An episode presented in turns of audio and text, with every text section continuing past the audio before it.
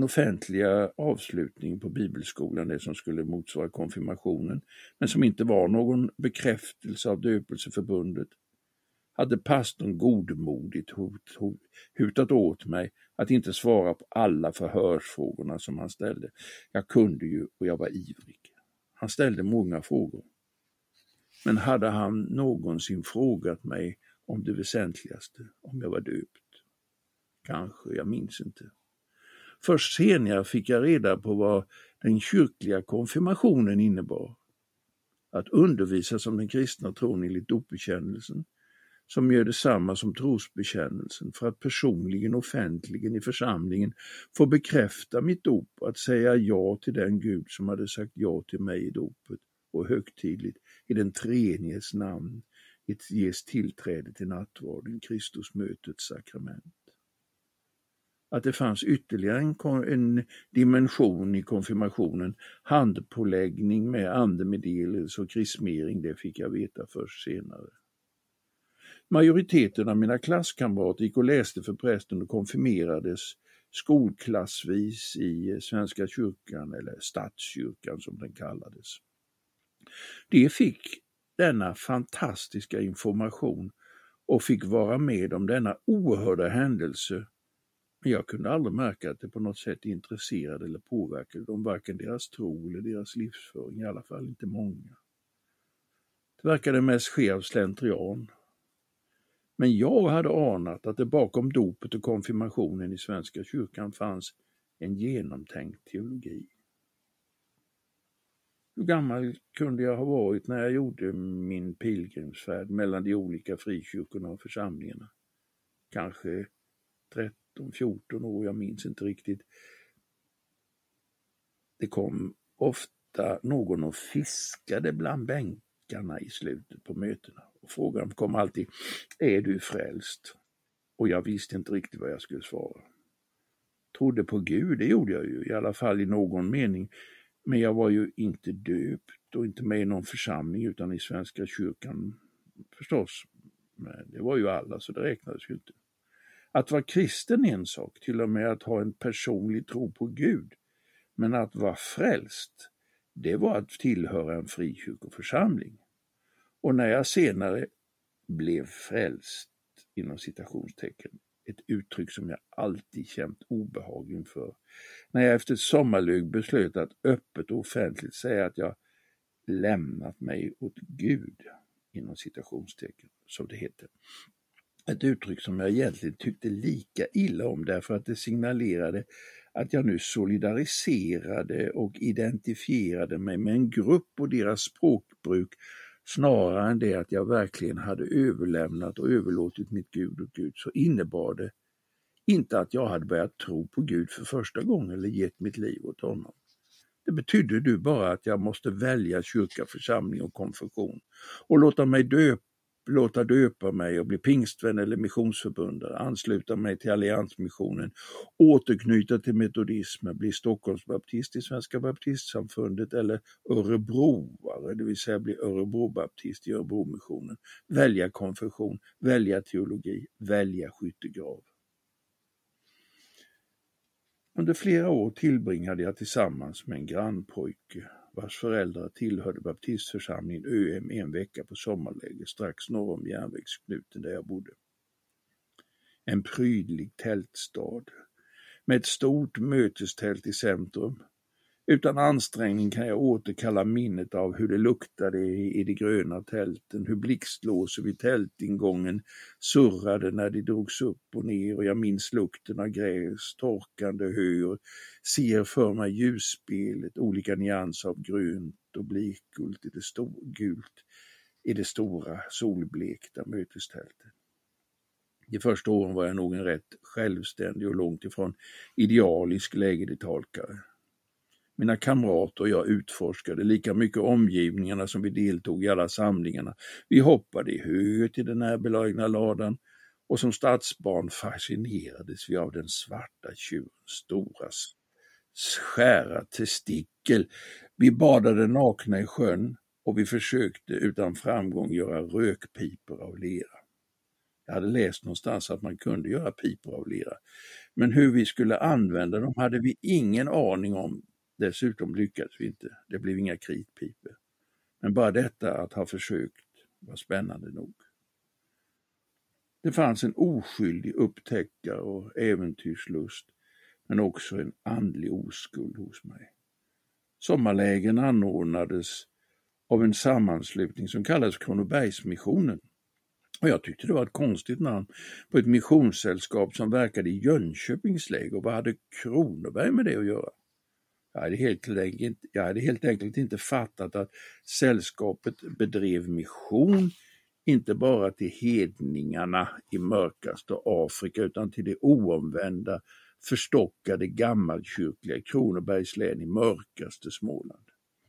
När det, när senare detta faktum gick upp för mig så beredde det mig icke li, så lite nöje med tanke på vart min andliga väg sedan förde mig. Till den småländska högkyrkligheten med dess syntes av en av kyrkväckelserna präglad gammal kyrklighet och en allmänkyrklig nådemedelskristendom. En kyrklig förnyelse i liturgi, diakoni och teologi. Min andliga naivitet eller oskuld visade sig också vid ett annat tillfälle som jag sent ska glömma. Det skulle bli bönemöte. Bön var bra och naturligt så jag gick frimodigt till det stora mötestältet och där lade sig unga människor på knä i rader vid bänkarna och de bad högt, en efter en.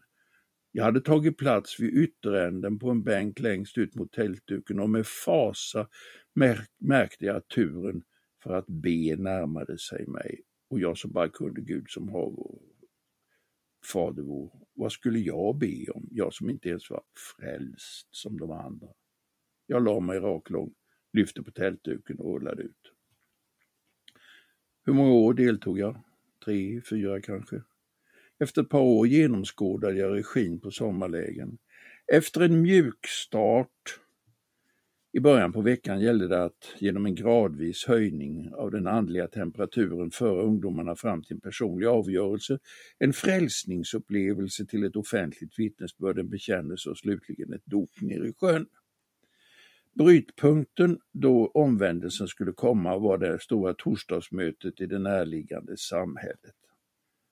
Och det skulle aldrig falla mig in att förneka att något starkt och andligt äkta verkligen hände under dessa möten.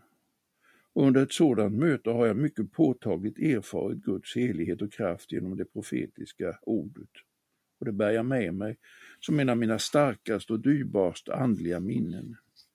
Men den Jesus som av flera ofta förkunnades eller mötte i det personliga vittnesbördet under lägerveckan hade jag svårt att känna igen ifrån söndagsskolan. Människosonen, domaren, han som skulle komma snart, vilket ögonblick som helst, kanske nu på himlens skyar för att döma alla ofrälsta, himmel och helvete, eld och svavel. Jesus kommer snart, är du redo, är du frälst? Helvetet och den eviga elden vidöppet, kom nu, nu, nu, nu, snart kan det vara för sent, du kan dö i natt. Jesus kan komma nu när som helst. I detta ögonblick, Jesus som det stora hotet jag som hade bett min aftonbön så länge jag kunde minnas tillbaka och läst söndagsskoletidningen Barnavännen. Tron hade jag, i alla fall barnatron. Att bli frälst gällde med livsstilen och grupptillhörigheten, inte röka, inte dricka sprit, inte svära, inte spela kort, inte berätta dåliga vitsar. Och vilka andra finns det för övrigt? Inte gå på bio eller teater, inte klippa håret om man var flicka och inte ha långt hår om man var pojke. Plus förstås kampen mot eller förnekande av det där som finnarna berodde på, det som ingen talade om men som alla pojkar visste fanns där som något starkt farligt och förbjudet och lockande.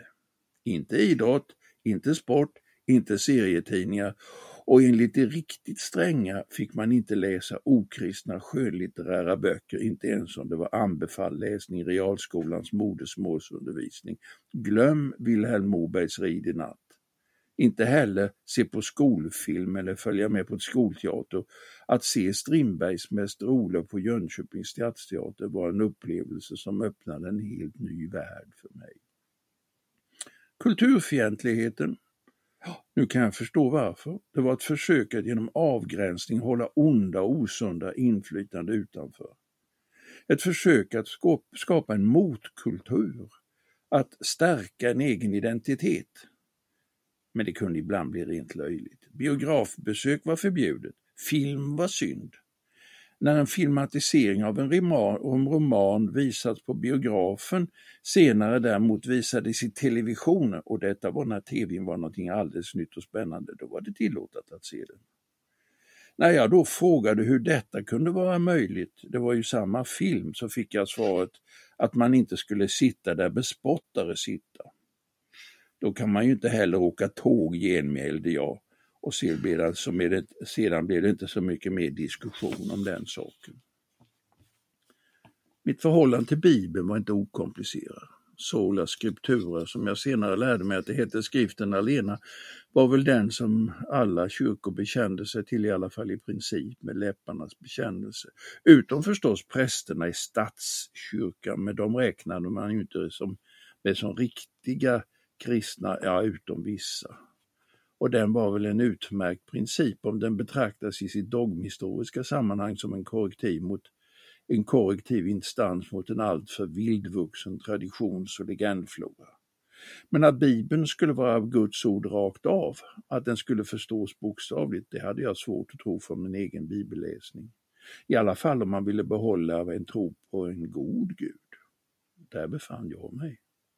Att kyrkorna var oense i vissa frågor när det gällde den kristna tron kunde förklaras med att somliga inte var bibeltrogna nog. Men när det gällde det nakna bibelordet, om man gick direkt till källan, så fanns det alldeles för mycket som verkade tala mot tron på den gode fadern, Jesus som barnavännen och anden som hjälparen. Den Gud som jag lärt känna i söndagsskolan, genom mina föräldrar, genom predikan och undervisning. Vad skulle man egentligen tro? Ljög de kristna eller mörkade de något? Jag lyssnade på vad andra sa du. Men jag läste också själv, läste om tillspillogivningarna i Gamla testamentet, om de blodiga offren. Jag läste om hur Gud förhärdade farao. Jag läste om vredens kärl hos Paulus och höjdpunkten eller kanske bottenläget när det skrapade ordentligt. Och när jag kom till Jesu ord, många är kallade men få är utvalda. Matteus 22.14. De orden gav bränsle åt mina tvivel i det att de besannade mina värsta farhågor. Det var alltså så att alla människor genom syndafallet var fallarna i synd och att de genom Adams synd bar på en ärvd skuld inför Gud och att de genom sina egna synder, genom sitt eget syndande befann sig i djävulens våld, att alla syndare stod under Guds vrede och dom samt var på väg mot den eviga förtappelsen och fördömelsen med den eviga elden som aldrig slocknar och masken som aldrig dör. Såvida nu inte Gud själv hade gjort en speciell räddningsinsats och utvalt och förutbestämt vissa människor som han skulle rädda från helvetet och föra till himlen. Och det hade han ju gjort. Jag undrar om jag hade hört ordet dubbel predestination. Kanske inte. Men jag hade en ganska klar uppfattning om vad ordet innebar. Och dess innebörd så som jag fattade den gjorde mig förfärad. Hurdan var Gud egentligen? En nyckfull tyrann, en grym gud, en gud med favoriter och förkastade. Värre än vid uttagnandet till brännbollslaget i skolan. Du och du och du, och, men inte du. Och det värsta var att jag tyckte att Bibeln lärde detta. Så åkte jag som vanligt till sommarläget och hade med mig min lilla bibel i svart skinnband med guldsnitt. Jag hade beslutat mig för att fråga någon ledare, predikant eller pastor hur det förhöll sig med det där bibelstället, hur det skulle förstås, om jag hade missuppfattat något. Vem det var som svarade mig minns jag inte, om det var en pastor eller någon annan ledare, men svaret var så omstörtande att jag till och med skrev in det med kulspetspenna i marginalen i min bibel. Det var felöversatt. Det stod inte alls så. Många är och kallade men få är och utvalda. I den grekiska grundtexten så stod det istället så här, många är och kallade men få är och de som välja. Och vilken lätt lättnad, så var det ju, det kunde man ju se hur tydligt som helst. Den kristna förkunnelsen gick ut från predikstolar i kyrkokapell, till och med ur radion med de dagliga morgon och kvällsandakterna, de söndagliga högmässorna och gudstjänsterna. Men det var få som valde att tro på Jesus Kristus och bekänna honom öppet. Det var ju bara att läsa veckotidningen Se och Dagens Nyheter. Ett ljus hade gått upp i mörkret. Jag ritade till och med ett litet ljus i kanten med kulspetspenna, vilket jag sedan djupt ångrade, därför att det var så fult med kulspetsskriften. Det var inte bara fult, det var dessutom fel. Helt fel. Den av konungen gillade och stadfästa översättningen från 1917 var korrekt. Ingen diskussion om den saken. Det fanns inte ens en textvariant i den kritiska apparaten.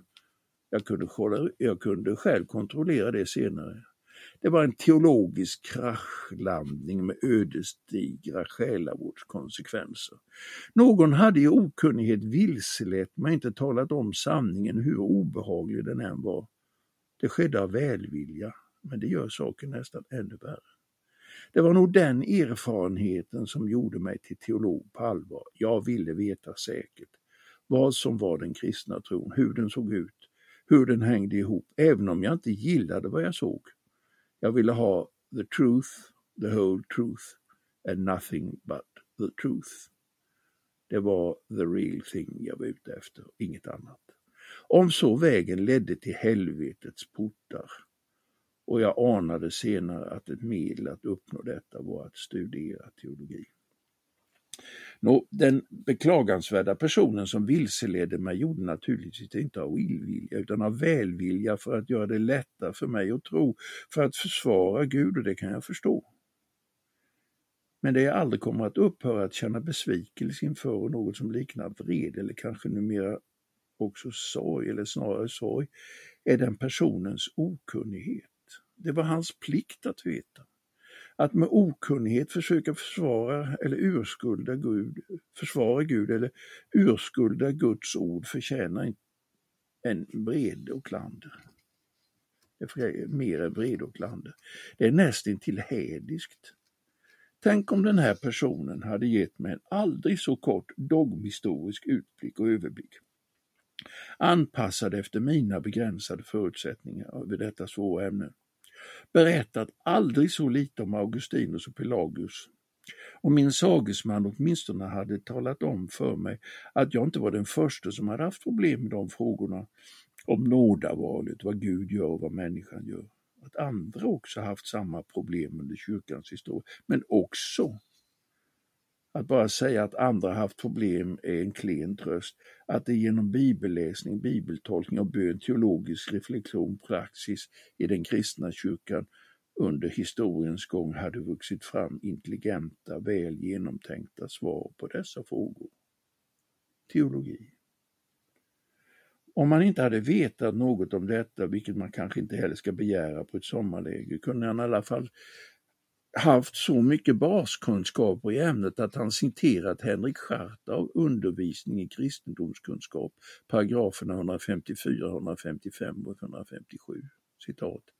Gud har också sett förut om var och en människa, hur det går med henne, om hon låter Gud göra sig salig eller om hon gör sig själv olycklig och i anledning därav har Gud beslutat antingen att giva människan den hjälp till salighet som han sett förut att hon vill emottaga och sedan mera därtill, eller och låta det nåde, eller nå, de nådeverkningar upphöra vilka Gud har sett förut att människan ej lämnar num och taga henne från de tillfällen till och taga ifrån henne de tillfällen till omvändelse som Gud har sett förut att människan icke nyttjar. Det är detta som kallas för utkårelsen eller nådavalet. Den gamle statskommunisten i Lund, kyrkoherden för Bjällerup och Stora Råby, prosten för Torna herrar, använder här den gängse teologiska termen. Det gammalmodiska och tyskt tungfotade språket kan inte dölja den universella betydelsen av det Henrik Schartau skriver om predestinationen, Gud och människans roll i dramat.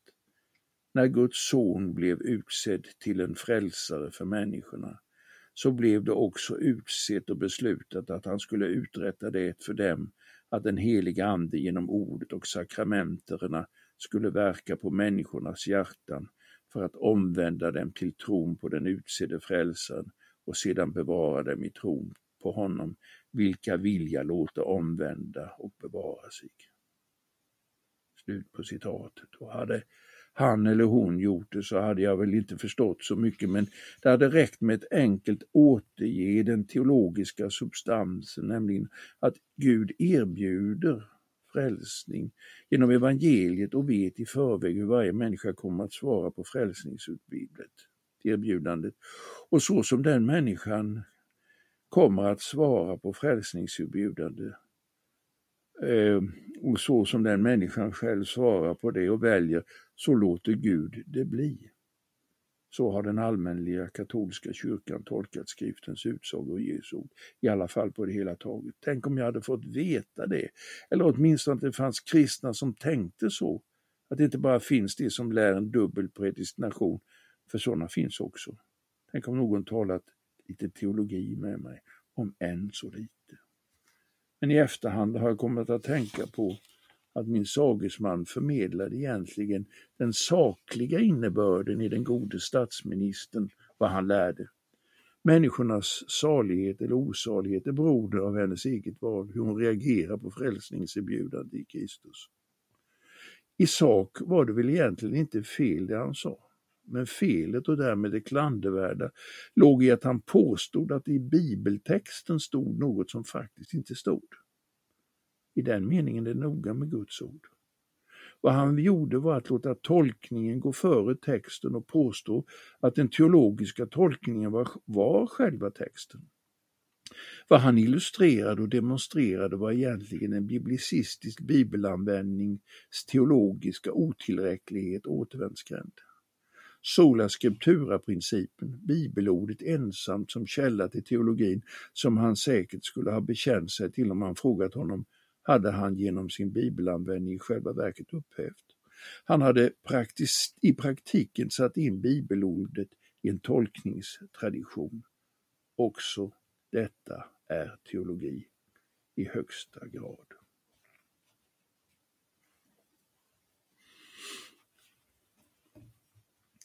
I min hemstad på det småländska höglandet fanns det i en bilskolas skyltfönster en modell av en fyrcylindrig bilmotor. På denna modell hade, modell hade man skurit bort vissa delar så att konstruktionen syntes medan på andra ställen ersatt väggar med plexiglas så att det gick att se hur de olika delarna fungerade och samarbetade. Den modellen upphörde aldrig att fängsla mig och sätta min fantasi i rörelse. Den kristna tron är naturligtvis inte något så mekaniskt som en motor. Men eh, motorernas skönhet är i sin funktionalitet enligt min mening undervärderad. I vårt förhållande till Gud är det inte en motor som går utan ett hjärta som slår. Tron är en hjärtesak, en personlig relation, visst.